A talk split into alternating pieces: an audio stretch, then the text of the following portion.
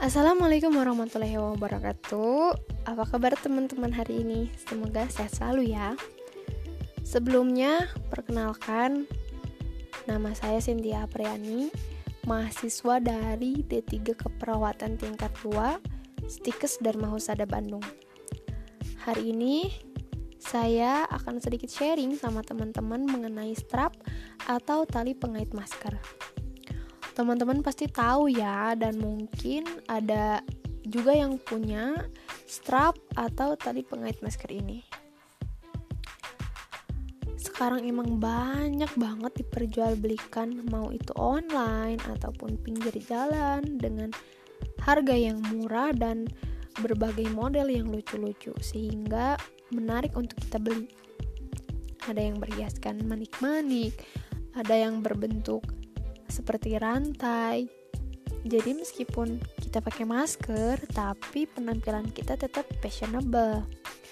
Strap atau tali pengait masker ini memudahkan kita sebagai pengguna menyimpan masker pada waktu tertentu, seperti pada saat kita makan, saat kita minum, dan pada saat kita berolahraga. Masker tinggal dilepas dan digantung di leher agar aman dan tidak mudah hilang tentunya.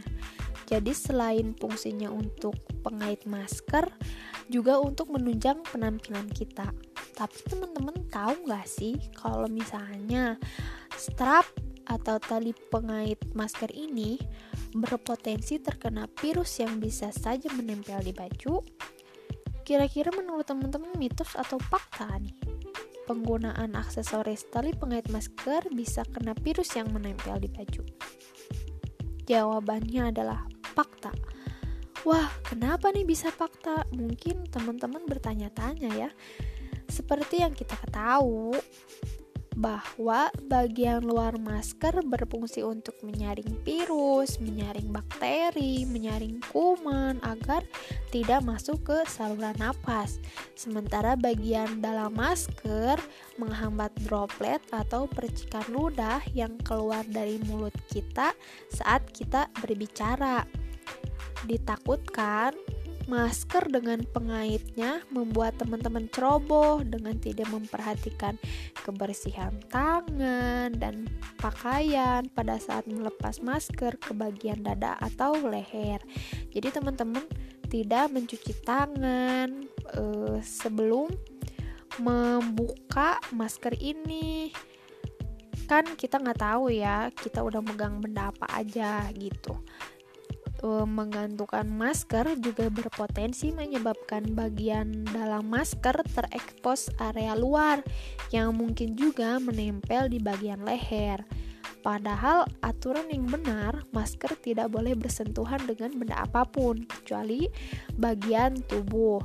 Dari kita mungkin banyak yang sering menggantungkan masker e, di dada atau di leher e, masker juga tidak seharusnya dilepas pasang terlalu sering karena sangat mudah e, virus menempel di permukaannya. Tangan yang menyentuhnya akan mentransmisikan virus corona ke hidung saat menyentuh wajah. Hal ini akan memperbesar potensi penularan virus corona ini. Jadi teman-teman nggak uh, jangan terlalu sering melepas atau memasang masker tanpa kita mencuci tangan dan kita tidak boleh terlalu sering untuk melepas pasang maskernya. Jadi teman-teman walaupun terlihat keren, ternyata uh, ada banyak resiko yang mengintai di strap masker ini. Untuk mengatasi uh, hal tersebut, dokter spesialis Erlang Amugro menyarankan kepada masyarakat untuk yang pertama menyiapkan beberapa masker saat beraktivitas di luar rumah. Jadi teman-teman harus membawa cadangan masker e, ketika kita akan keluar rumah, mau itu satu, dua atau tiga. Yang kedua, masker dipakai tidak tidak lebih dari 4 jam atau sudah merasa basah masker harus diganti.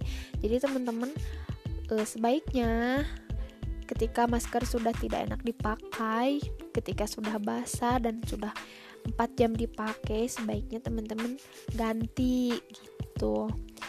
Mungkin uh, segitu aja ya teman-teman podcast kita hari ini sharing-sharing kita hari ini.